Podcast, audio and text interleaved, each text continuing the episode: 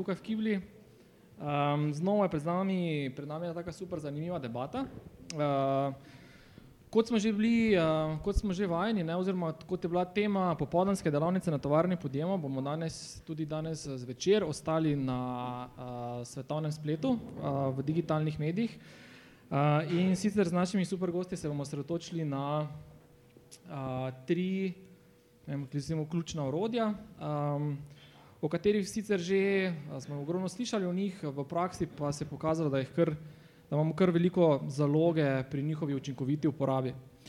Um, kot vedno ste vabljeni, super vabljeni k debati, uh, preden pa se v bistvu spustimo v, sam, v samo vsebino današnjega dogodka, uh, nekaj zanimiv o, o priložnostih, uh, ki, jih, um, ki jih je vredno izkoristiti, vkolikor ste uh, um, podjetnik, ki podjetnica, ki razvija svoj biznis uh, in želite pri tem um, v bistvu pomoč, uh, da boste to počeli učinkoviteje, hitreje um, uh, in bolj pametno. Um, skratka, natvarna podjema organizira te torkove, uh, torkove dogodke uh, skupaj s partnerji, smo podjetniški inkubator, ki uh, z različnimi storitvami spodbuja in podpira inovativno podjetništvo uh, v našem mestu širše v regiji in tudi konec koncev mednarodno. Um, med uh, našimi storitvami uh, izstopajo ali pa so predvsem za vas aktualna um, uh, dve vrsti. Ena so v bistvu mentorirane svetovanja, to je prva skupina. Um, skratka, za našo mrežo svetovalcev uh, vam pomagamo pri vseh temah, ki so za taka zagonska podjetja aktualna. Torej od tega, da vam pomagamo nekako vrednotiti, eh, ali vaša ideja po domače pije vodo, um, ali za njo obstaja trg, ali ste si prav zamislili vstop na trg, ali je poslovni model pravilno zastavljen. Skratka, vse neke te temeljne premisleke uh, vam pomagamo nekako razumeti, da se uh, vaše podjetniške poti lotite čim bolj pametno. Um, torej, uh, vstop na trg in promocija so tiste ključne stvari, poleg tega ponujemo poslovne prostore, um, zelo um, usmerjena in nišna izobraževanja. Danes recimo smo imeli popovdan na tovarni podjemo uh, delavnico o kako se lotite torej o strategijah in taktikah digitalnega marketinga. Tako zelo ciljno se lotimo tistih najbolj perečih področji, ki, vas, uh, ki, ki so aktualna za torej zagonske podjetnike. Um, seveda pa za naše člane nenehno uh, skrbimo in sprašujemo, kaj je aktualnega, kaj želijo slišati in temu primerno tudi uh, nekako prilagodimo vsebine. Um, zelo močni smo uh, v samem mreženju, povezovanju.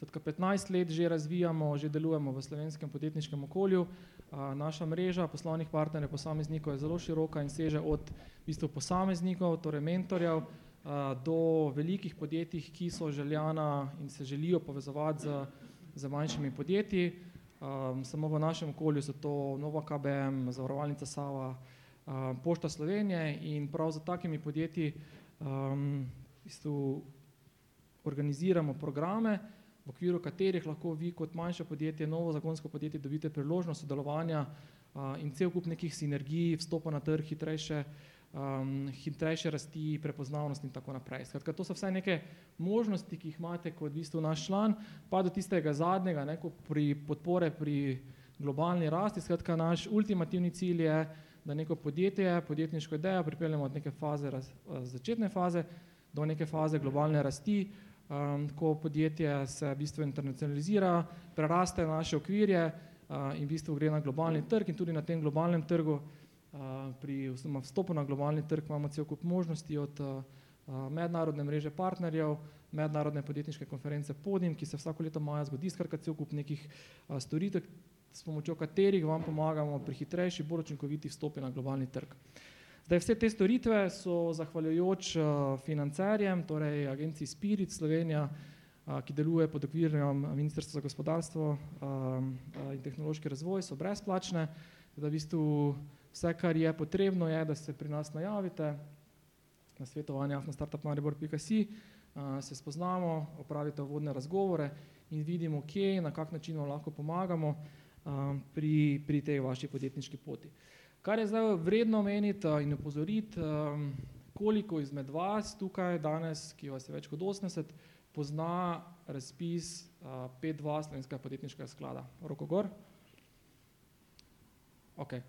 Uh, torej, sedem pa pol rok sem videl, um, kar je, upal sem, da jih bo več, ampak skratka, gre za eno veliko priložnost. Uh, razpis 5.2 slovenskega podjetniškega sklada, kot vidite zadaj, ponuja torej, uh, podjetjem v začetni fazi za inovativno podjetniško idejo s potencialom hitre globalne rasti 54 tisoč evrov nepovratnih sredstev. To je torej zagonska subvencija, to so nepovratna sredstva, ki jih dobite za razvoj vaše podjetniške ideje.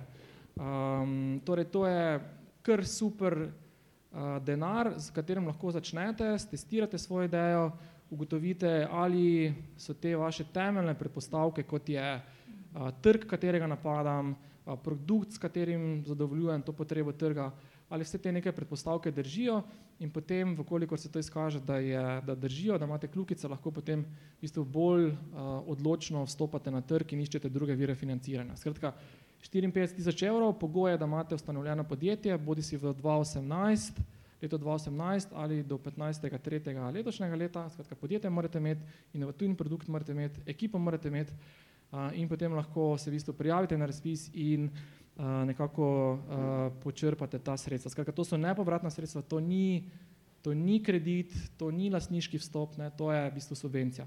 Uh, in to je en izmed pač top sheet produktov za tiste, ki štartate, skratka, ni, ni, ga, ni ga boljšega.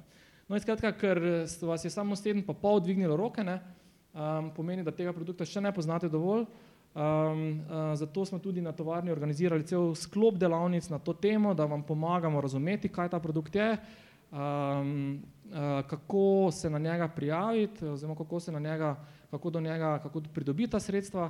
Um, zato vas vabim za vse tiste, ki ste zdaj vsaj malo zastrigli z ušesi, da bi pa bilo to mogoče vaš, za vas aktualno, um, znova da pridete uh, ne, svetovanja na tovarno podjemo oziroma startupmaribor.si uh, in da se organ, uh, oglasite uh, in vključite v program. Ta program obsega cel kup uh, pripravljalnih delavnic, individualnega svetovanja, uh, pičanja um, in priprave na vse tiste ključne menike, ki so potrebni, uh, da pridete do teh 54 tisoč evrov.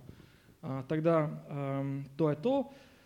Uh, organiziramo tudi uh, skupnost uh, mariborskih founderjev, um, torej ustanoviteljev teh inovativnih podjetij, s pomočjo v okviru katerega v tem klubu izmenjujemo mnenja, iščemo rešitve, si izmenjujemo izkušnje, kontakte in poskušamo nekako graditi to našo uh, podjetniško skupnost, da bo uh, rasla in se širila čim bolj učinkovito.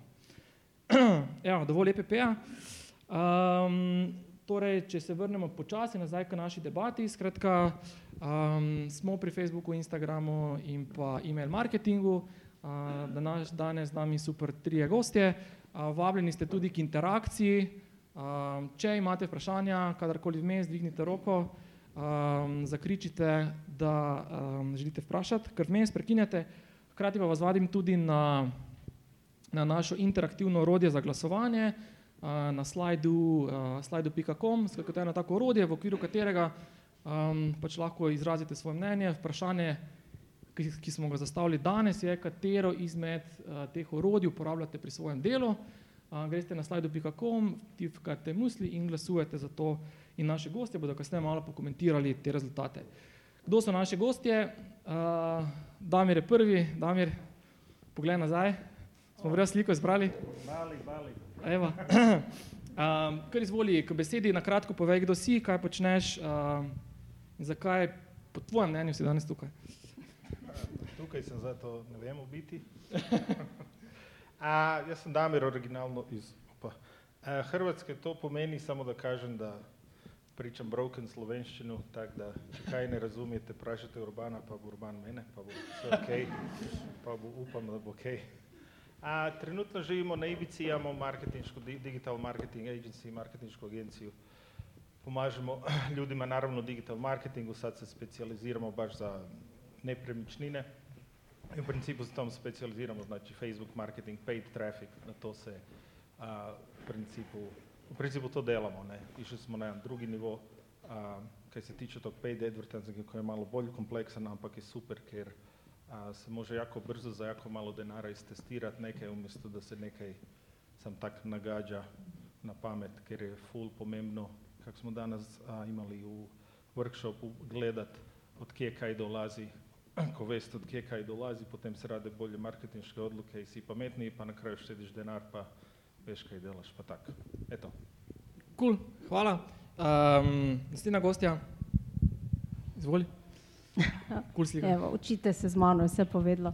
Jaz sem Tanja Ciglarič, zdaj ukvarjam se z marketingom že, mislim, da 12 let. Uh, zadnji dve leti pa sem se tudi, prej sem bila zaposlena, zdaj dve leti pa sem tudi podjetnica. Pač po desetih letih sem videla, da ogromno znam in da je čas, da grem tudi na svoje, tako da zdaj zadnji dve leti se pač delam tudi kot uh, projektni menedžer. Uh, v bistvu usmerila sem se v digitalni marketing, nekje specializirala pa sem se za družbena omrežja, Facebook, Instagram, uh, pa LinkedIn. Uh, tako da v bistvu učim uh, predvsem male podjetnike, kako se uh, lahko promovirajo preko teh novodobnih kanalov in uh, kako si čim bolj lahko organizirajo delo, se pravi, dosti stvari se da avtomatizirati in uh, da ogromno lahko naredijo sami. Tako da to je to. Cool, hvala. Uh, Marko? Moja slika. Ja. Smisel, imaš ti najlepša slika. Uh, ja. Malo bolje digitalizirana, ampak. Uh, uh, ja, v bistvu predstavlja, tako bom rekel, moje, moje nekaj začetka, kako sem jaz se skupaj začel pred ja, 18 let nazaj. Uh, svojo neko poslovno kariero. Uh, začel sem tudi, ko sem sem kot grafični oblikovalec, spletni programer, fotograf, uh, multimedijski oblikovalec, tako da v bistvu ja, to kar dobro kaže vse, kar sem se skupaj počel. Uh, kasneje sem uh, uh, ustanovil svoje podjetje, navdih.net in zdaj letos sem imel 12 let, uh, odkar sem ustanovil to podjetje. Uh, Uh, zadnjem času sem se pa fokusiral bolj na splet, tako da izključno v bistvu, kar se tiče oblikovanja vsega tukaj, vse, kar je povezano z, z spletom. Uh, programiranje sem tudi omaknil proč in zadeve zamenjal za marketing, se pravi za spletni marketing in v zadnjem času želim pač to znanja prek svojih delavnic prenašati tudi na ostale. Ok, super. Um, hvala za začetek. Eno tako ograjevalno vprašanje, malo, malo za šalo, malo za, malo za res če bi se lahko opisali z enim izmed družbe, spletnih družbenih omrežij, katero omrežje bi to bilo in zakaj? Da. Zakaj bi se, aha, uh, mislim, na social medije ali nekaj takega? Da. Na, kot Facebook ali pa to? Ja, če bi bil Damir social, social media, koji social media bi bil, zakaj? pa vem. Pač, Mogoče Facebook, ne, ker tam res pokaže sebe um, in na svoji vem, osebni ravni in poslovni, tako da je neka mišunga vsega. No, tako, okay. na Facebooku. In to si ti, mišunga osebnega tako. in ja, tako. Marko, kaj si ti? Ja, jaz bi mogoče bil bolj Facebook, LinkedIn, neka kombinacija, mogoče čeprav ja, bolj Facebook uporabljam za te zadeve. Tako da, ja. okay. Dobro, Damir. Facebook, tako zdaj komentar.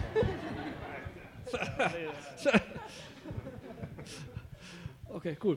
um, štima, gremo naprej. Skratka, um, obstaja cel kup nekih eh, družbenih omrežij, ne? um, samo nekaj, ne peščicah je tam gori. Uh, in veliko krat so podjetja ali posamezniki pred uh, neko tako dilemo ali pa bolj skušnjavo. Ne? da želijo uporabljati kar vse, kar obstaja. Ne? Facebook, Instagram, LinkedIn, um, Pinterest, Snapchat, uh, Twitter, skratka vse, vse, vse, kar obstaja. Ne? Imajo, uh, kakšno je vaše mnenje o tem, uh, to vrstni strategiji in uh, kak se teh skušnjav uh, nekako sistematično uh, otresti ali pa sistematično lotiti? Kar si, vprašanje za vse. Ol. Ol. Vsi, hra, vsi hkrati. Uh, jaz bi tako rekel, ne? začeti z enim, pa tistega vladati, pa potem, ko tisto vladaš dobro, greš na naslednji korak, na naslednjo mreže in tako naprej. Ne? Tako da jaz, vse naenkrat je tako, da ne narediš nič, ne? pogrneš na cele črte. Okay. Kako se tako pojavi se vprašanje, zdaj, za katerim pa začeti? Ja, zdaj odvisno, kje imaš svojo ciljno skupino. Uh mhm. -huh. Tako rekel, ne? Kaj ti je tisti, koga nagovarjaš. Da, meni je definitivno Facebook aktualen, tako da sem uh mhm. -huh. tu, to je tisto moje primarna okay. zadeva trenutno. Izhodišče. Cool. Uh, Tanja? Ja, definitivno se strinjam to z Markotom, ne, sploh tisti, ki so popolnoma začetniki. Jaz tudi osebno organiziram delavnice, kjer posamezno gremo eno omrežje spoznati, potem res ga dodelati, ko tisto obvladate, idite na naslednjega. Ne. Ker dosti krat bi pol imeli vsi vse in pol ni na nobenem nič. Ne. Ker da si res uspešen na posameznem družbenem omrežju, morate delati. Ne. Tam ni, je kar konstanta in preden osvojite vse te taktike in začutite bistvo družbeno omrežje, traja nekaj časa. Tako da vam svetujem, da se enega pa tistega delate dobro, potem pa greste na drugega, ampak dosti teh omrežij se da dopolnjevati, ne, so kakšne podobnosti, uh, so pa kakšne zakonitosti, ki jih morate poznati. Definitivno pa se strinjam z Markotom, prvo pa morate spovedati, kdo je vaša ciljna stranka, idealna stranka, ki jo pač targetirate. Pa to sem ja htio odgovoriti. ne, također, uh, vedno počne tam, kje, kje ti je ciljna skupina. To je prvo, če si biznis, pa tako gledaš, je prvo najlakše, pa najrazumnije, pa tudi uh, drugače su sve. Na Facebooku možeš full pisat, full stavljati, na Instagramu su više slike, na Twitteru pokrivaš sam malo, zavisno kje su, kje, kje misliš da su, če ne veš. Prvo eno, kako je Tanja rekla i, i Marko, obvladaj eno pa idi na drugo. Pa sploh ne rabiš pet, ne rabiš ni dve, rabiš samo eno, pa budi sam dobar u enoj pa rasturaj eno. To je tak, to su bedarije da moraš biti svugdje, to je, zakaj? Sploh zbog čega? To su po meni loša učenja za brez veze. To je samo imaš glavobolju pa nič od tega. Tako da ena, ena, ena pa dobro, ena pa mir. Za start. Okay. Cool. Super, hvala. Tanja, vprašanje za tebe. Uh, ko gre za komunikacijo preko Facebooka ali pa Instagrama, um, se veliko krat pojavljajo um, tak vprašanja, ne, kaj pa naj objavljam, ne, ljudje nimajo idej, kaj objavljati. Ne. Um, kaj svetuješ podjetjem, ko pride k tebi po pomoč, ne, kako načrtovati objave, katera so tista obvezna vprašanja, ki si jih preden začnejo vsebinsko načrtovati kampanje, objavo, vsebinsko stran teh objav uh, obvezno morajo zastaviti. Definitivno, kar je danes eh, problem pri marsikom, ne, pač družbeno mreže je, da se izpostavite. Ne. In tudi glede, jaz to delam tudi za podjetja, vodim družbena mreža in tudi iz izkušenj vem, da potrebno najbolj boste učinkoviti, ko boste izpostavili sebe. Vemo, marketing je postal zelo human, human to human, delamo z ljudmi, ne delamo več z logotipi ne, eh, in to je pač kar marsikomu problem. Ampak glede na odziv, definitivno morate sebe izpostaviti in predvsem način, ki jaz to delam, v bistvu kaj dosti sploh ne na biznisu pišem, ampak pišem moja razmišljanja, moje zgodbe, moje izkušnje in to ljudje najraje delijo in kljub temu, da ne pišem kaj dosti o marketingu, ker sem pač marketinški strokovnjak, vseeno me najdejo. Ne. Uh, tako da kontent, uh, se pravi vsebina, pa vse posod. Ne. Lahko je ena dobra misel, neka izkušnja, uh, slikica. Jaz pravim, vi že lahko delate vsebino, ko ste na morju, naredite lahko ogromno enih uh, slikic, naprimer za Instagram, ki je vizualni. Tako da uh, seveda pa pol med drugim tudi uh, seveda promovira tudi svoj posel. Ne. Je pa tako, da uh, se pravi, čisto odvisno tudi od branže, kaj delate. Ne. Zdaj, če res imate, ne vem, bolj eh, produkt, ne, spostavljate bolj produkte, če ste mentori, ne vem, coachi, tam pa definitivno morate bolj izpostavljati sebe. Ok, še kdo kaj dodal tukaj? Marko Damir? Točno tako. Točno, ja, se strinjam. Ne, super je rekla. Uh, imate kako vprašanje vmes? Jaz, ko se zakadim, lahko skozi sprašujem. Uh, ne? Okay. Uh, štima. Um, naslednje vprašanje za vse. Um, video je vse bolj prihaja v spredje um, komunikacij na internetu. Ne? Um, zdaj je v bistvu, uh, kaj je tisto, kaj je v bistvu, kaj so tisti elementi nekega dobrega videa ne? in kaj loči pač poprečnega od podpoprečnega videa. Skratka, kaj, je zdaj vsak video kul, cool, video za vsako ceno ali tu zmerno znova vprašanje ciljne skupine, ciljev tako naprej. Ja, ja, po meni, uh, ok, kako smo rekli, ne video, če smo v biznisu, če zdaj hočemo nekaj iz tega, mora biti uh, strateški. Zakaj video, kaj pokazujem, kom pokazujem, kaj jaz to učim, kaj jaz hočem, da oni zdaj znajo o meni ali pa o mom produktu ali pa o sebi. Znači, če hoćeš tak raditi neki video sam za sebe, stavi ga na private profile i ok, fajn, ima to svoje mjesto u nekom lifestyle kako smo rekli, malo jaz, malo biznis, malo to.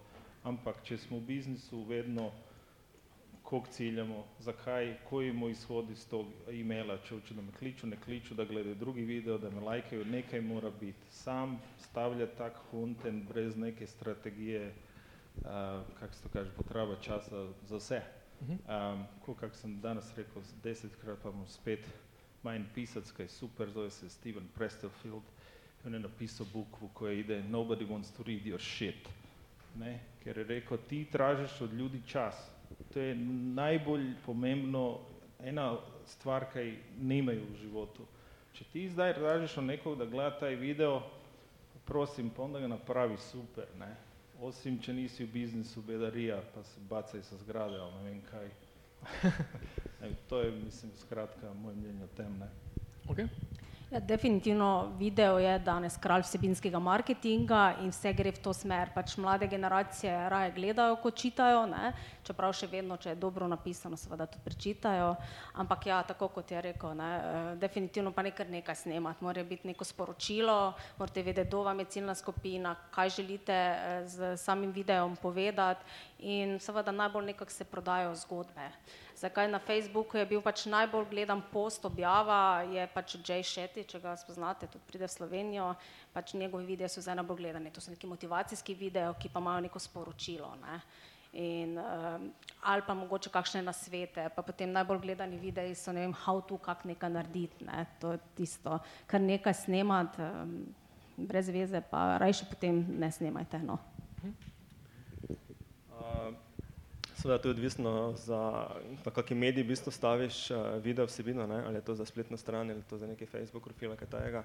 Uh, je tudi potem malo drugačni video vsebine so. Ne? Tako da uh, tudi kar se tiče spletnih strani, ker s tem se največ tudi ukvarjam, uh, podjetja še to sploh nima urejeno, no? tako da je imela neke video vsebine noter, da bi nekaj predstavila zadeve, da bi mogoče nagovorila uh, uporabnika, tako da tu je ogromno, ogromno potencijala, v bistvu, kaj, mm katero smer se da delati. Ja. Okay. Um, Damir, eh, vprašanje za tebe. Um, zdaj smo malo ne, urisali na kratko ne, Instagram, pa e-mail, pa Facebook, pa zdaj, kak pa sploh začeti? Torej, predstavljaj si, da si da imaš uh, nek produkt, kdo, kdo bi rad v bistvu na svojem caseu dobil uh, na svet eksperta? Aj, dvignite roko. Ne, ne vsi naenkrat, tako čas. En. Okay. Uh, skratka, uh, če sem podjetnik začetnik in se zdaj sprašujem, uh, katero družbeno mreže, um, kaj so, ne vem, tri, štiri vprašanja, uh, ki si jih moram odgovoriti, da bom lahko zastavil neko smer, v katero smer svojega, svoje, svoje digitalne prezence, svojega digitalnega marketinga. Kaj moram razčistiti na začetku? Pa na začetku so tako osnove, ne, ki zdaj vprašati, če neko hoče to, kar jaz hočem prodati. Ne. Če postoji to, ali pa sem se zdaj nekaj izmislil, pa jaz mislim, da je to dobra ideja. Fajn, pa preveri. Znači, najlakše je, če imamo konkurencu, onda ok, dela, če si napravi nekaj boljše. Če nima konkurence, pa ne postoji, pa se malo vprašaj, če nima konkurence, pa ne postoji, zakaj. To ne pomeni, da je loša ideja, samo problem je, kaj imamo puno ideja i super su ideje ko vprašaš sve ljude, samo ko vprašaš daj mi 10 evrov, pa niko neće plaćati. to ne pomeni da je spet loša ideja, ampak da ni nekaj vredno za nekog da bi dao neki denar. Znači, jaz bi potem malo, ali pa prašaš, ali pa pitaš, ali se malo porazgovaraš, prašaš mene, pa da vidiš, če to ima neku osnovu, ne. Ok, če to ima neku osnovu, i tak pomeni rabiš neki basic web page, rabiš neki Facebook page, Facebook profil i onda potem bi razmišljao, ok, kaj ljudi znaju o tom proizvodu, u biti koji problem ja rješavam s tim, pa koji problem oni imaju, kako da ja zdaj predstavim kako moj, ne vem, proizvod rješava taj problem, pa kje su oni, če opet će, če ima konkurencu, onda je drugčije, predstavitev je moj proizvod je na primjer boljši nego tvoj, ajmo reći tak na splošno če nema konkurence, onda moramo ići u neki education ljudi da im pojasnimo da sploh imaju problem s kojim moj proizvod rešava. Jer če ti greš van i kažeš kupi to, rešilo bi taj problem, pa jaz ne vem da imam problem, zakaj bi ga to sploh kupio? Ampak zdaj vem da imam problem, onda drugčije razmišljam. Znači, to su tako, ajmo reći, neke logične osnove di bi starto. Malo prašati okolo, malo vidi da je to full lagano, imaš Facebook, imaš svaki mi, verjamem, bo ti rekel, ja, imaš neki free session, free consult, svak bo ti dal, nekaj priše, pet kod vas, ne, v tovarni povedi, pitaj, prašaj, dobiš neki na svet, pa idi od toga, ne. To bi po meni bila osnova, puno boljša, nek davati ne vem koliko denara, naravno za spletnu stranke, sploh ne veš, če v produkt, produkt išel, pa i take vse vnapred trošiti 400 evrov na logo, ker niko ne kupuje zbog logota i take stvari, iskeširaš si 5000 evrov, onda skužiš da niko to neće. malo obrni, ker ne rabiš sploh denara, rabiš ful malo, da bi nekaj počel, pa nekaj iztestiral.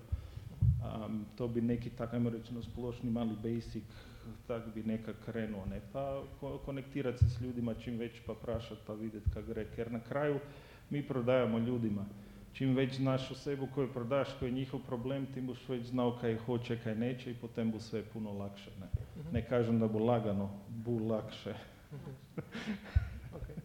To tak za neki start, ajmo reći. Okay.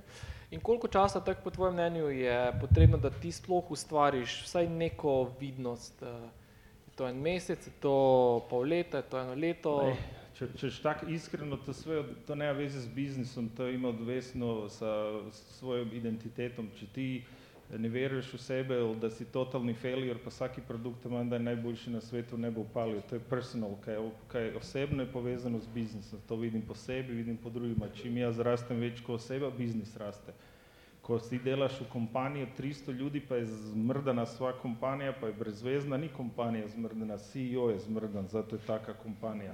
Znači, veš, koliko ljudi kažu, tako je fraj rekel, gled, ovo, kak je uh, šest meseci sem zaradil 100 tisoč, kaže, to je bullshit, 14 let sam učio, pa sem imel failure, dva bankrota, pa ne vem kaj pa mi zdaj, uspjelo to je toliko odvisno, da nema formule i to toliko odvisi o sebi, da je meni zdaj nemoguće to reći.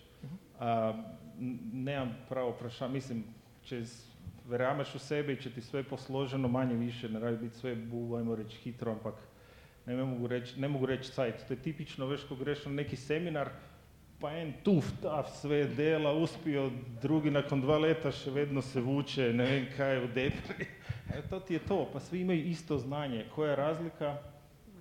U sebi, mindset, ne, i to, sorry, nemam neki odgovor konkretni, osim, ne mogu ti dati sajt, bilo bi, ne bi bilo fair, veš. Ampak može, če sve u redu, možeš hitro, nevjerojatno hitro, tak da se ljudi ne mogu, kaj, si, ono, kaj si ti radio, kaj, kaj s to, mislim, okay. na lutre kao. Ampak po eni strani ne, je, je pač ta svet digitalnih medijev, med katere predvsem pač spadajo ti najbolj množični, Instagram, Facebook, ne, je po eni strani pač priložnost, pomočjo katere lahko, ali pa urode, s katere lahko res hitro uspeš, ne, pa po drugi strani pa so res noro zasičeni. Ne. In Tanja, mogoče vprašanje zdaj, kak pa je izstopati v, bistvu v tej neki množici oglasov, vsebin, postov, sponzoriranih oglasov, um, vse pa so te bombardirajo, uh, levo, desno, Google, Facebook, ne, bum, bum, bum, kak, kak v bistvu izstopati? Ja, kot prvo, jaz vsakemu rečem, ne, bodi to, kar si in definitivno se strinjam, prvo morate verjeti v to, kar delate. Če ne verjamete, nehajte zdaj, ne, če res ne verjamete. Uh, in uh, se pravi, edina stvar, katera, ki nima konkurence, ste vi.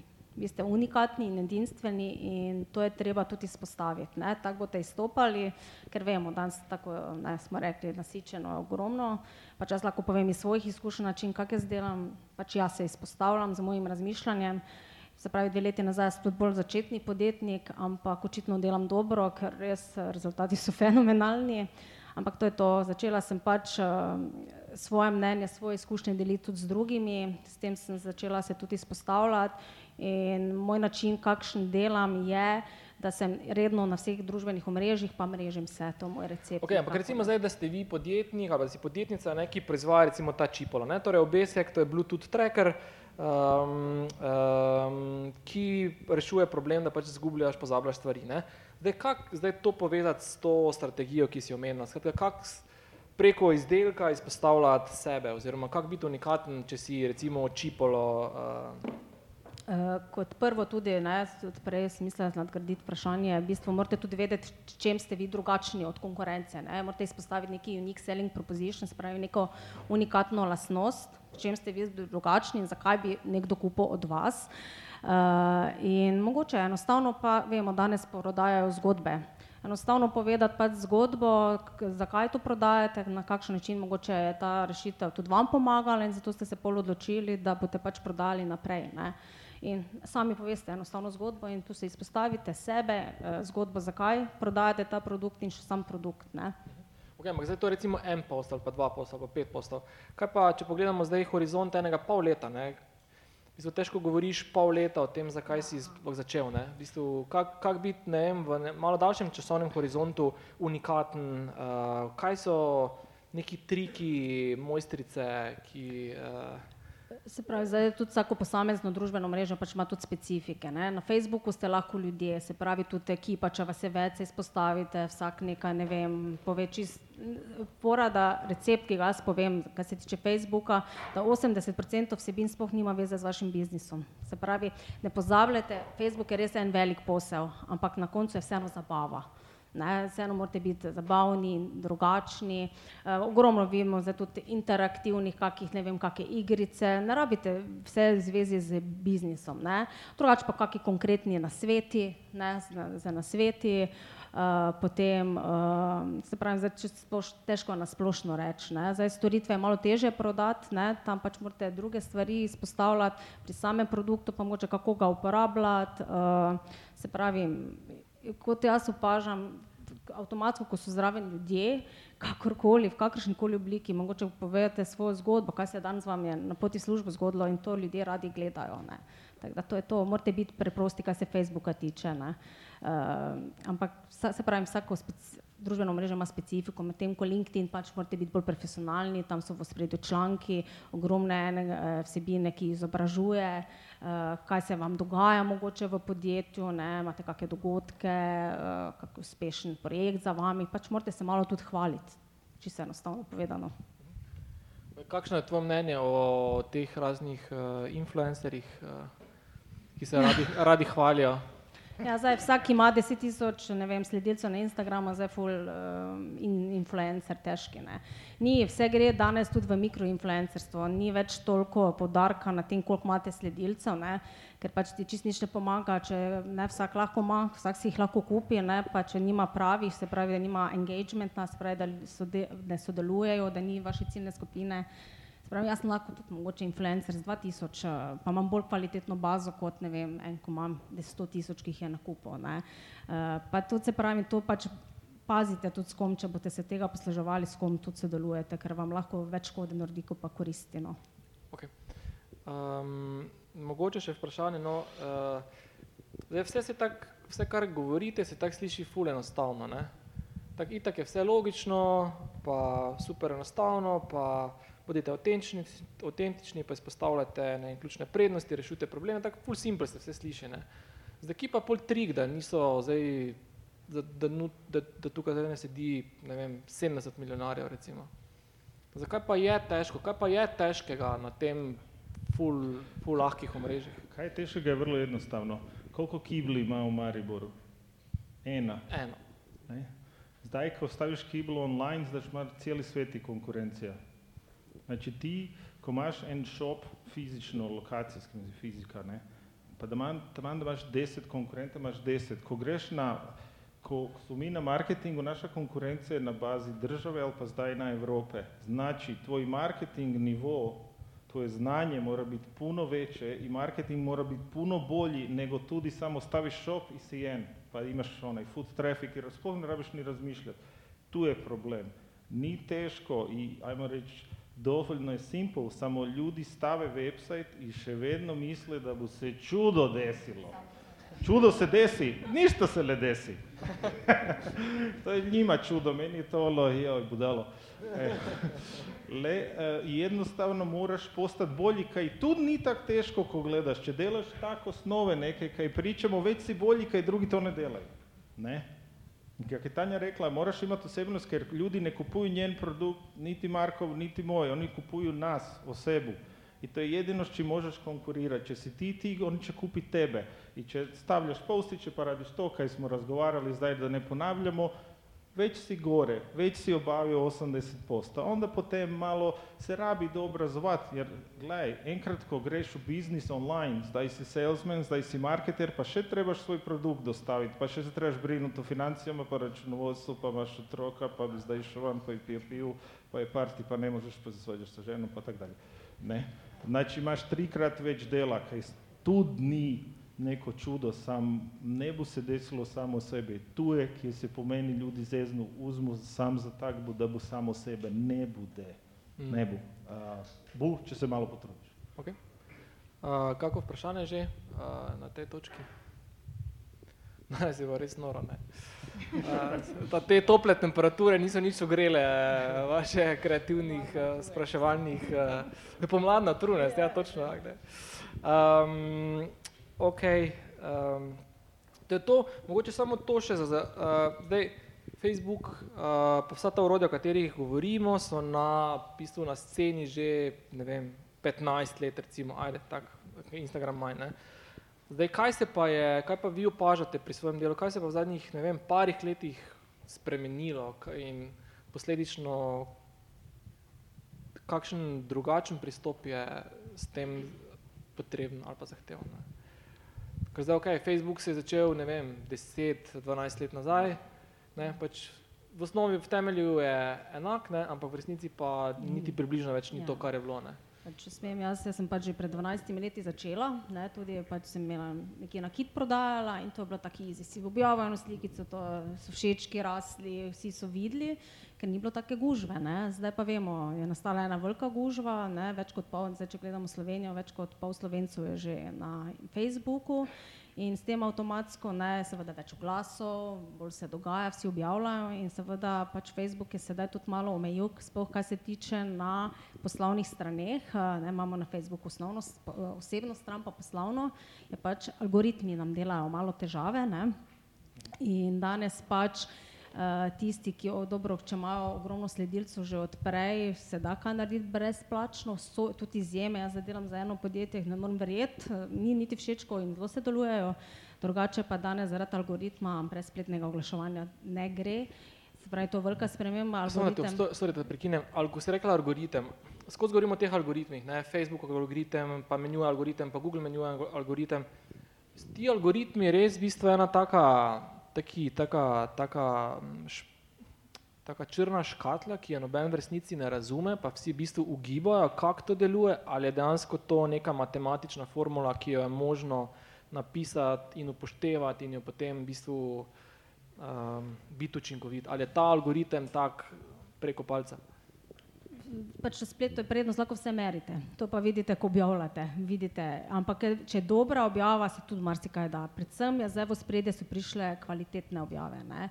Še kvalitetno, kot pa kar nekaj. Ne. Okay, ampak recimo, ko vprašujem algoritem, ne, ali, ima, ali je možno v bistvu definirati, ne vem, Facebook post, ki ima, ne vem, od 200 do 300 znakov, ki ima pet emojijev notri, ki ima uh, štiri pa pol klicaje v poprečju, ki ima sliko s toliko pa toliko teksta. Je to res taka matematika ali je to tak? Tak, mislim, da ne, ampak je res pa, da upoštevajo neke, algoritem upošteva neke zakonitosti, kako dolgo se zadržuje pač eh, gledalec na tisti objavi, video dajo prednost video, se pravi video vsebine bolj a, to organsko promovira Facebook, live videi so zelo močni, namreč zato, ker si v interakciji z uporabniki in komentirajo, ker avtomatsko, ko se na vsaki objavi nekaj zgodi, ali se komentira, ali se všečka, uh, se ta objava promovira. V bistvu vsakih sedem minut algoritem gre čez objavo in če se nič ne zgodi, neha promovirati. Zato je zelo fajn, pač, eh, da pač se skozi nekaj dogaja. Zato so najbolj tudi uspešne objave, če nekaj vprašate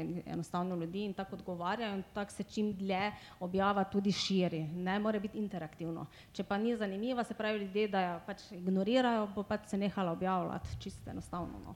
Mislim, Meni osebno, če bom, ne, ne, je v, v biti uh, Facebook, z- ajmo reči kot nekog biznis ownera, ne, tak gledam, biti te tjera da budeš bolji. Ne. Prije si kaj, stavi si eno sliko, svi su vidjeli, svi su bili sretni. Zdaj si misliš, da moraš nekaj res dobrega staviti, ampak si na- nagrađen. Če nekaj dobro, ljudi šeraju, všečkaju, brišite urle i komentiraju, super gre. To mi je všeč, to se promijenilo.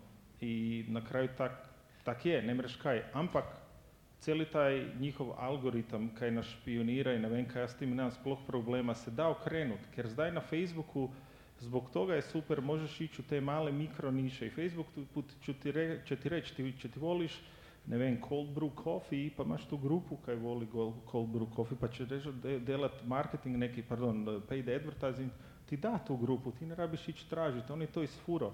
Pa ima bezplaćan tool da ti uzmeš od cold brew coffee, ne vem, page i on će ti reći svi ljudi koji vole taj page, evo ti še 30 drugih koji tudi vole. Znači ja mogu ići marketirati, ne vem, moj cold coffee tim ljudima, pa svim ovima.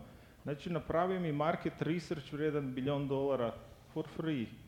To se promijenilo, to prije nije bilo tamo. Po meni je ok, kaj te gura da buš bolji, pa tu do svojoj mikro niši možeš super opstat, jer je mikro i možeš puno lakše targetirati. Um, hvala. Um, Marko, če se zdaj v bistvu malo še pri tebi ustavimo in, in e-mail marketingu, ki je ena izmed stvari, s katero se um, zelo ukvarjaš, in hkrati je e-mail tudi ena izmed, izmed vseh teh orodij, v bistvu najstarejša, ne, najstarejše orodje. Ne. Fosil. Kako? Fosil, ja. Fosil med temi uh, sodobnimi Instagrami in tako naprej. Um, zdaj, kako mesto ima e-mail marketing v, v, v tem celotnem spletu orodij ali pa v tem celotnem arzenalu orodij, ki jih uporabljamo na spletu?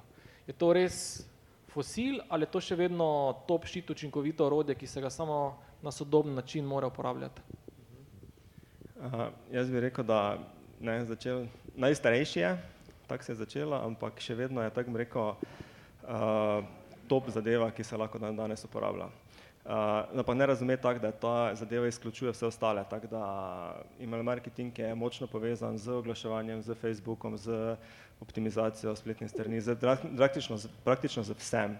Namreč prek vseh teh kanalov uh, mi dobimo ne, kontakte, ne. brez kontakta email marketinga ne moramo delati. Mm. Ne, to je pač mala razlika primerjavi z drugimi mediji. Uh, tako da, uh, ja, statistično gledano, tako bom rekel, no, en zanimiv podatek, ki sem ga zasledil, za vsak vložen evro se bi naj 36 vrnil nazaj, če dobro delaš email marketing.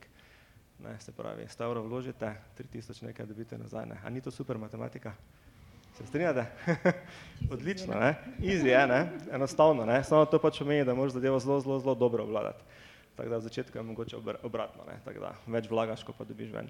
Uh, Ampak v osnovi samo, prosim, da te prekinem, se ti zdi tudi tebi ta občutek, da pa je to v osnovi zapostavljeno orodje?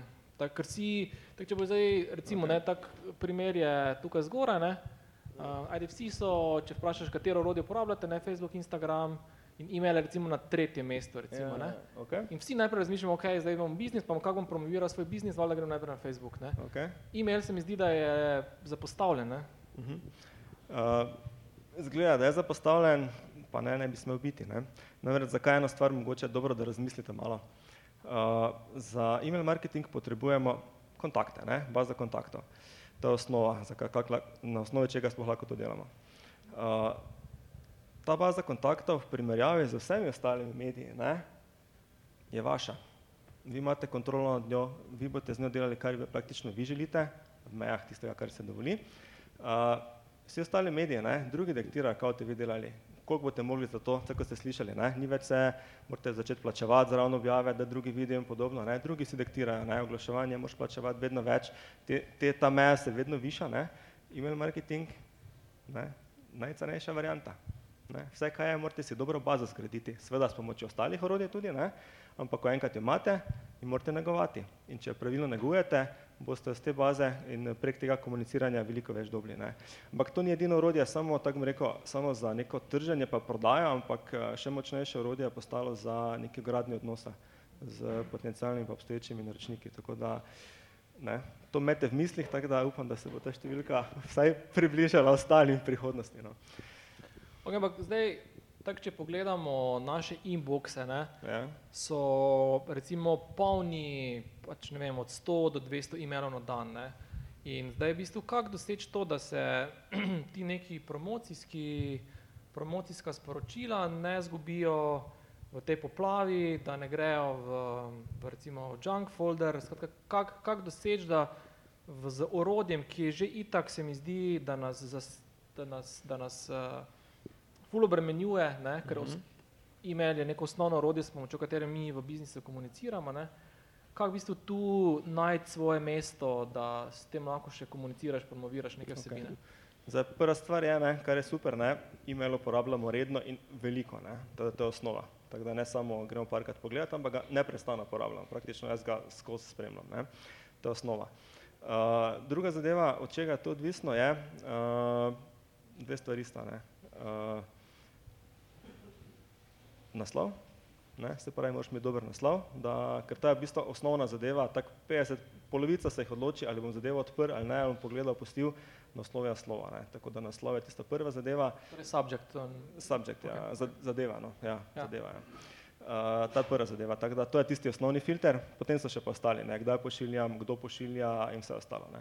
Tako da, in uh, se pravi, dober naslov, to je prva zadeva, potem pa vse ostalo, tako da Okay.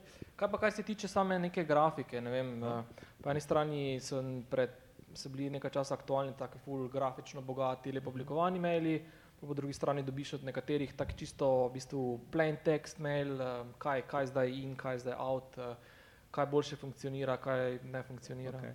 Za in zadeva, ne, po trendih je kratki maili pa kombinacija grafike tudi, ne, to je pač generalno svetovno gledano. Ne.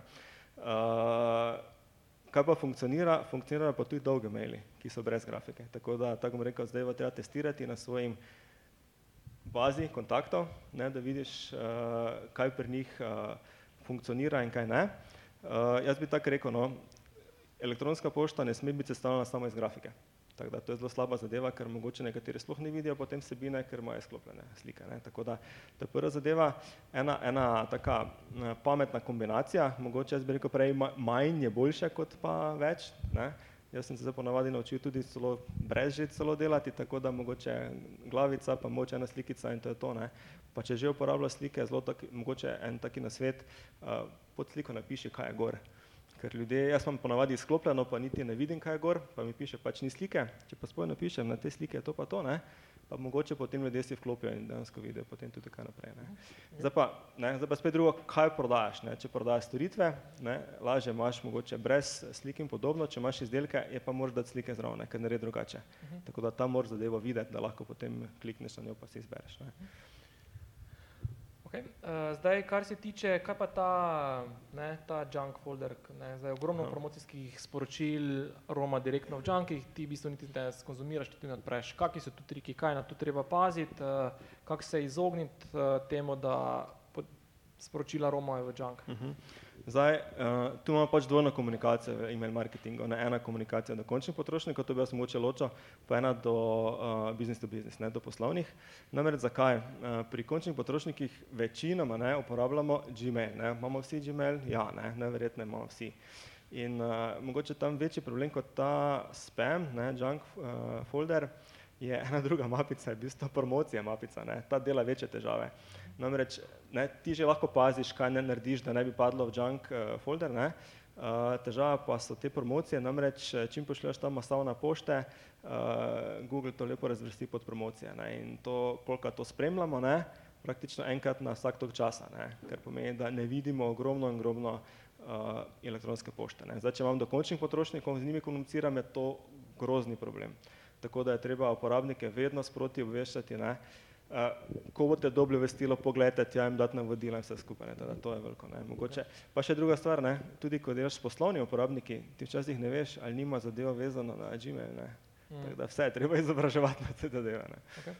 Kaj pa uh, business to business, si rekel prej ločiti uh, B2C pa B2B? Ja, ponavadi tam nimajo Gmaila, pa imajo na okay, elektronsko okay. pošto ločeno druge, pa ni tam mapice promocije, ki dela največji težav. Ne. Okay, ampak so kakšni triki v smislu, kakšne tehnične priprave, ne vem, velikosti slik, uh, Aha, okay. metatagi, ki Ja, ja. pač jih je treba imeti poštimane, da ti uh, ne leti v junk. Uh, zdaj vsako, vsako elektronsko pošto, ko preden da pošljaš, lahko tudi sam testiraš. Tako da so programi, ki lahko spustiš skozi, pa da ti dajo neko oceno, kakšna verjetnost je, da ti bo nekdo uvrstil v neželeno pošto ali pa ne. Kateri je taki program, recimo? Uh, je za na pamet, ne vem, mail, ampak okay. lahko pošljem. Imajo, sistemi že imajo same vgrajene recimo noter, da imaš, eh, da lahko testiraš, so pa strani, ki lahko jih tudi pošleš, eh, pa prečekira ti zadevo. Uh, to, je, to je ena zadeva, tako da drugače pa, ja, meni definitivno smernice, kar se tiče slik, ne, da ne jih implementirati noter, v bistvu jih le po, kot povezavo vključiti, ne se pravi, da so elektronske pošte male, ker nekateri imajo celo enostavno, da če je večja velikost uh, maila, da sploh ne gre skozi, tako da potem sploh ne vidijo zadeva. Ne. Tole, pa potem razne, razne druge navodila, recimo, ne vem, ne pisati vse z velikimi črkami in podobno, ne, tako da večja verjetnost je, da bo padlo, ali pa določene barve pač imajo večjo verjetnost, da te otečkuje potem eh, kot eh, neželena pošta. Ne. Zdaj, če se mm, v bistvu začnem en takim sklepnim krogom vprašanj, Skratka, na spletu, ključna lastnost, ki omogoča splet v primerjavi z drugimi mediji, je merljivost. Ne? In zdaj, če mogoče vsak za svoj medij pove, ne vem, recimo tri ključne kazalnike, ki jih moramo spremljati, da vemo, ali smo na pravi poti ali nismo. Recimo Pri e-mailu je to so kateri kazalniki in Okej. kakšni morajo ti kazalniki biti, da vemo, da smo na dobri poti. Okay, pri elektronski pošti imamo pač prvi, prvi pokazatelj je procent odpiranja elektronske pošte. Uh, tako bom rekel, povprečjo, res povprečna zadeva, to za ne, ne odvisno, vedno odvisno, kakšno uh, kvalitetno bazo imaš. Recimo, ne vem, 20% nekje povprečje, ne? če imaš 30 ali pa več, recimo si že zelo dober. ne. Zdaj pa spet je odvisno od tipa eh, mailinga, ko pošiljaš, recimo, ne. Zdaj recimo mailinge, ko so kakšna dobrodošlica, ko tako dobiš nazaj, ko ljudje pričakujejo, ne, so tudi procenti lahko dosti višji, 50, 60 ali pa več. Ne. Tako da, skratka, če imate poprečjo, eh, več kot 30% je zelo, zelo dobra zadeva že. Uh, potem je tukaj drugi faktor, je klikabilnost, uh, kolikrat potem, eh, ko zadevo odprejo ali tudi kam kliknejo, ne, ker namen je, da nekaj kliknejo, da nekaj naredijo potem. Te procenti so se, seveda manjši, ne, tu nekje procent pa od nekje do 5 procenta recimo, ne, tako da če imaš pet ali pa več, Od odprtih mailov. O, to je zdaj glede na, recimo, na vse poslane. Ne. Tako Da, ja, če imaš 5% na vse poslane, je že zelo, zelo, zelo fantastična zadeva. Ne. Zdaj pa tole. Uh, potem so pa še dva faktora, mislim, trije so še potem, no, uh, odjave, se pravi, da se ti nekdo odjavi. To je na vsakem mailingu, ko pošlješ, se vedno nekdo odjavi, tako da, ne, ne vem, včasih je doben, včasih je en, včasih je štiri, ne vem, mogoče ne vem, do pol procenta recimo nekje je to čisto normalno.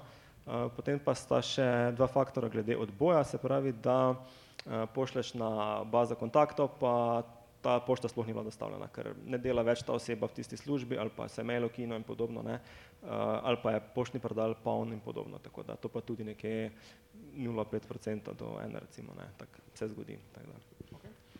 Cool. Um, hvala. Uh, naprej, Facebook.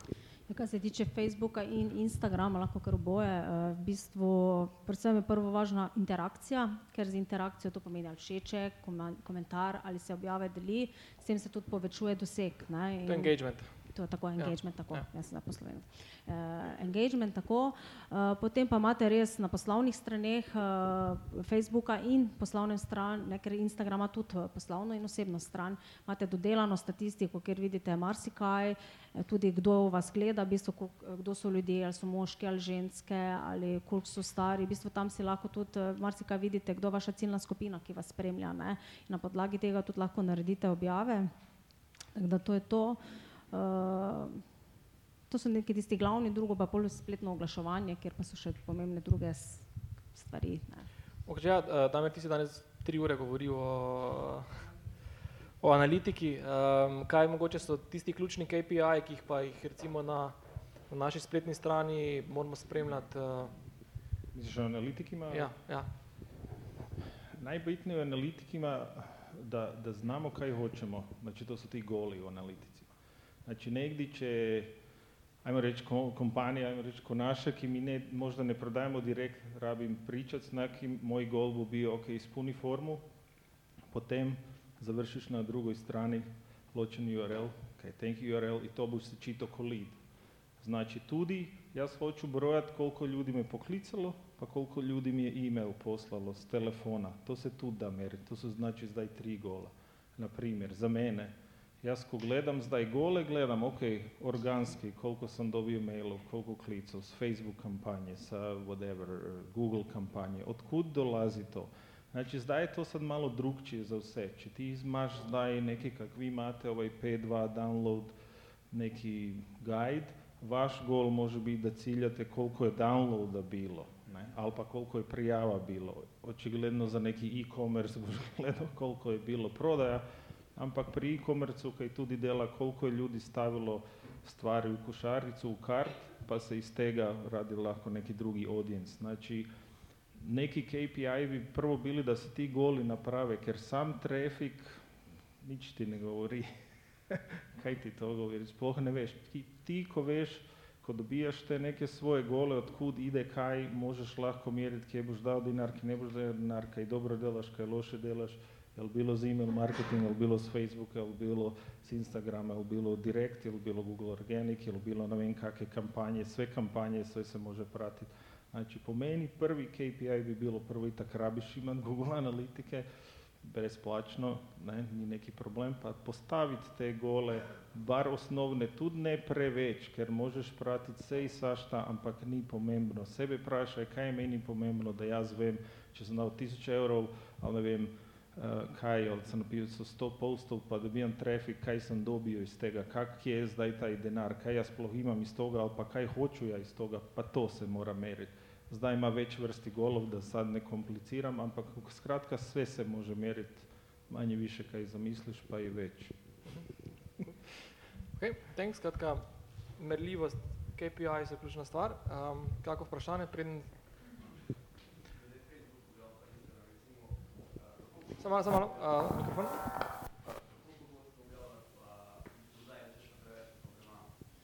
Torej, samo da ponovim vprašanje, Facebook, uh, kdaj objavljati, uh, kako pogosto in kdaj veš, da je česa preveč pa premalo?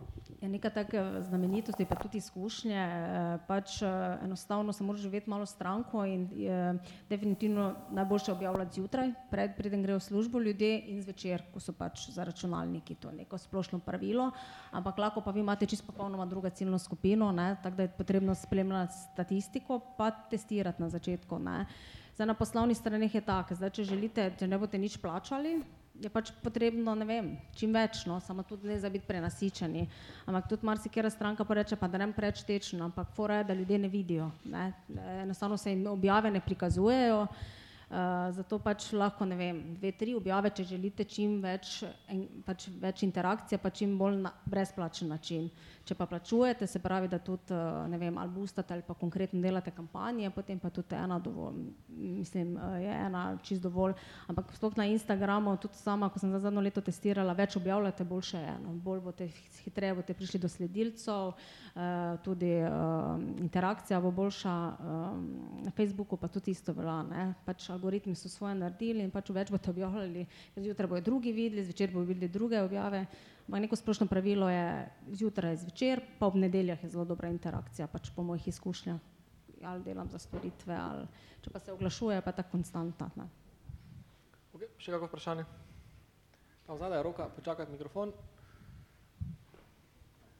A, ne bomo počakali mikrofona. Uh, kar na glas, Martin. Uh,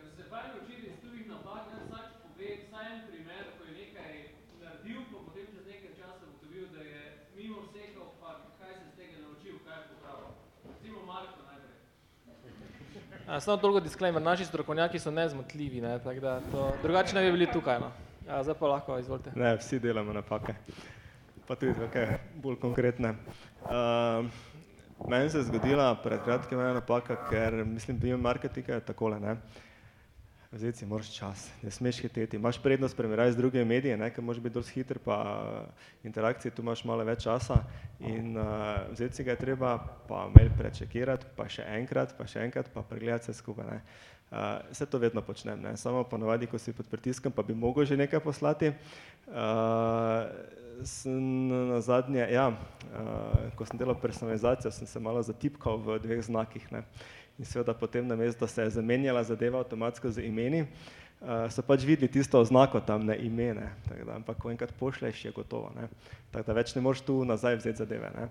Ampak uh, sem pa potem takoj poslal drugi mail čez čas, ne, in uh, pač uporabnike malo naučil, ne, da v bistvu se lahko iz tega nekaj naučijo, ne, na moji napaki, tako da sem, se da tudi zadeve malo popraviti potem v takih zadevah. Ok, cool. Tako da si svojo napako, svoj pritisk koristil? Cool. To se ste rekel, da imamo res majstre tukaj, ne, v bistvu napako, svoj pritisk koristijo. Tanja? Pa jaz se ne spomnim, no, da bi kakšen kiks naredila, pač na spletu pa je tako, da nikoli ne veš objava, zdaj nekaj objaviš ali pa delaš v glas, ker jaz tudi oglašujem, ali bo odziv ali ne in definitivno, dosti krat ni odziva, pač enostavno naredim pač drugi oglas, ne, to pač prednost, ki se lahko meri.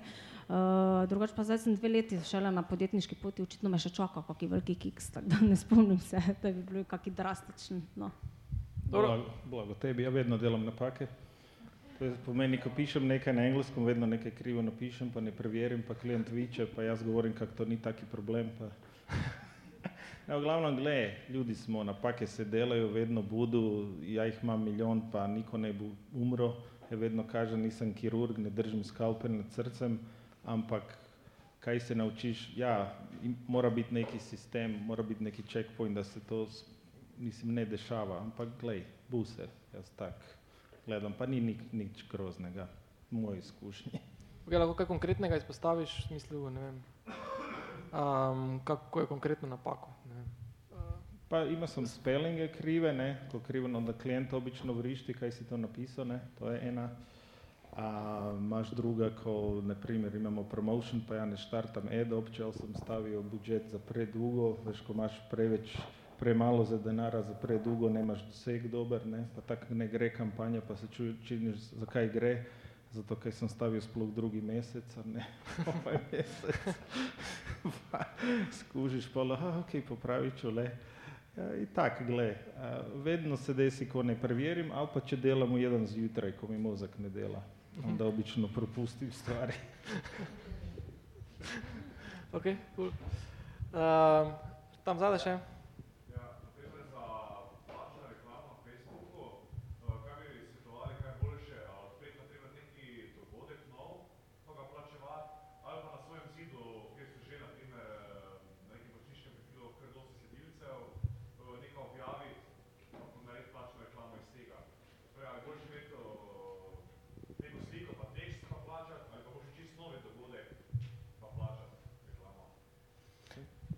Dogodki je tako, jaz tudi sem že prej dosti organizirala dogodke, pa tudi zdaj dosti, uh, fajn je raznoliko, eno in drugo. Ne. Jaz pač različne objave in organsko in plačljivo, uh, fajn je tudi objaviti, pa potem skozi biznis menedžer obstoječo uh, objavo promovirati, uh, spravi testirati različne stvari in pol tisto, kar vam največ konverzije prinese, pač tisto bolj pospešiti pa vložiti, no, za to moje mnenje.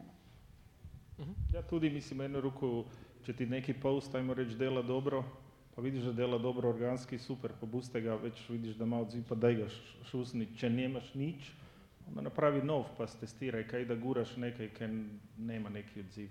Pa probaš to, kak je Tanja rekla, nič ne veš napred, moraš jednostavno probat, ko probaš, e onda veš, onda imaš kontrolu, pa drugi put već veš napred i onda nakon nekog vremena itak veš kaj bo išlo, kaj ne bude. Okay, še eno vprašanje.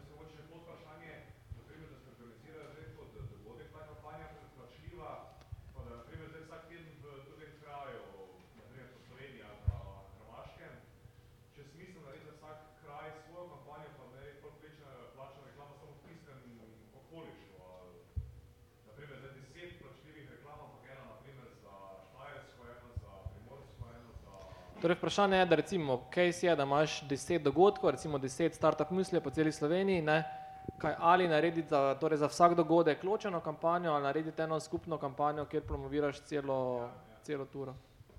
Jaz bi išel slučajnem, ne, ker je location specific, ne, ker kaj zdaj nekomu Kopru promovirati nekaj, kaj je v Krškom, pa boš tak tam v, Ko, v Krškom ali v Kopru, ni sploh nema smisla, kaj ti denar ode. Čem je veći audience, već boš potrošio. Onda se možeš izvući s nekim malim budžetom od 2 eura na dan, ali neki smešno za neki samo tak, ajmo reći, koper, pa bi bilo super, ne. A jaz bi išel ločeno, ampak za tak neki dogodek, če je physical event, to zdaj tu. Ne. Ja, tak ti ideš lakše ti buče, pa tudi ovis, odvisno, če rabiš deset ljudi, fajn. Če zarabiš več, onda možda ok, malo veći, veš, um, obseg, raspon, kako se kaže. Ja, bolj ciljno ne, se bolj usmeriš, pa tudi zdaj, če greš na Hrvaško, verjetno rabiš tudi drugi jezik še, tako da je potrebno ločiti oglase. Ne. Bo, bolje učinkovito, če ločiš uh, lokacije. No. Okay. Uh, zadnje vprašanje. Dobro. Um, zadnje vprašanje je torej moje. Um, kaj je en, en, en na svet, mogoče biti kak na tem iz, orodju, ki ga, uh, torej uh, Facebook, Instagram, e-mail, en na svet, kak v bistvu, ki ga lahko jutri implementirate, lahko je mali trik, uh, um, ki lahko spremeni učinkovitost, uspešnost na tem orodju, omrežju. Tako ena stvar, ki bi jo izpostavili. Okay, yes. Ja. Facebook eno, stra, eno stvar, Facebook en, je ena en savjet, A, tak za bolj engagement in tak stvari ali za neke ede? za, za bolj učinkovit. za bolj učinkovit? karkoli. Eh, uh, Tak, ok. Uh, biti, kako je Tanja rekla za Facebook, kje je problem, ker ljudi postanu tu biznis, ne? Budi ti ti, imaju čak više lifestyle, mi to zovemo nekih postova o tebi, pa neki fan, pa v principu čim manj promota, ker kaj smo rekli, ljudi bodo išli za tobom, ne toliko za tvojim produktom. A, I to je to, to kaj bo te jednostavno pozicioniralo za ne, ko neka drugčija oseba, to je kaj ljudi ne mogu kopirati i na kraju na tak, to bo mislim najjednostavnije i najlakše, ker ne rabiš izmišljati kaj zbum. En čovjek je rekao, strategija na Facebooku ti je da pričaš to, ali pa postaš to, kaj bi pričao s najboljim prijateljem ali prijateljicom. Znači, ko greš od toga, pa si misliš, kaj bi ja zdaj rekao, kaj bi ja zdaj postao, pa po- postuj, budi oseba. Preveč je biznisa, preveč je tog spemiranja, preveč je reklama i sve, i preveč je baj, baj, baj. Ljudi hoće tebe ne, na kraju krajeva. okay, hvala. Uh, Tanja? Definitivno se strinjam. eh, Bodite vi, spostavite se, eh, pa akcija. Ne? Zberite se eno pač družbeno mreže, pa začnite delati. Pol boste pa skozi objave videli, eh, kaj se bo zgodilo. Ne? Ampak brez akcije ni nič. Okay, hvala, Marko. Uh, jaz sem prej rekel, da je uh, uspešnost odvisna najbolj od naslova, ne, glede odpiranja. Tako da mogoče en taki trik, ko pišete naslove, uh, imejte pred sabo recimo svojega, je to idealno stranko. Ne. Tako da ne vem, ali si jo sprintate, ali narišete, ali si jo vizualizirate. In uh, kot da nje želite to, ne, uh, nje del, konkretno narediti, ne, kako bi ona dejansko to na to reagirala, ne, ali bi to odprla ne bi odprla. Ne. Kaj je dejansko njen problem, pa poskušam na to dejansko nastaviti. Ne. Uh, tako da lahko pa povem še kakšno stvar glede naslova. Ja, ajde. Lahko. Tako da uh, zagotovo ste na varni strani, če boste kakšno s vprašanjem začeli, ne? ker vedno, če je vprašanje, želimo vedeti odgovor in potem ponavadi gremo pogledat, ne? če me zanima, ne? me nagovori moj, mojo težavo, moj problem, hočem videti rešitev ne? in ponavadi ta rešitev je v mailu. Ne? Tako da, eno si rekel. Ne? Ok, um, hvala um, za ta super izčrpen pogovor. Um, drugi del se nadaljuje za šankom, tako da uh, en aplauz za naše goste. Hvala. Hvala. Uh, naslednji teden, uh, ob torek, torej so tukaj spletne urice, vsebina bo znana na Facebook strani spletne urice, uh, mi pa se znova vidimo čez 14 dni na Startup Misliju. Hvala, hvala, Karmen. Evo, sem vedel, ne, da si moram stvari napisati, tudi jaz pozabljam. In zato, ker jaz pozabljam, um, med drugim imamo takšne, ne, take ful pametne napravice, In ne, ker mi tudi mi še želimo nenehno izboljševati, smo na vam na naš, v vaše a, stole nastavili vprašalnik, s pomočjo katerem lahko ocenite vsebino današnjega mislija, tega, kar počnemo. In vse tiste, ki boste, oziroma izmed vseh tistih, ki boste oddali vprašalnik in na tisti liste kot zadaj napisali svoje kontakte, bomo izžrebali jutri na Facebooku enega, ki bo dobil, oziroma dva, ki boste dobila ta čipolo, ta Bluetooth sledilnik um, za vaše stvari. Okay, torej, izpolnite vprašalnike, napišite vaše e-mail naslove, tisti, ki želite, to dajte tam zadaj pri kolegih in jutri bomo žrebali eno, dva srečneža. Karmen bo razdelila kulice.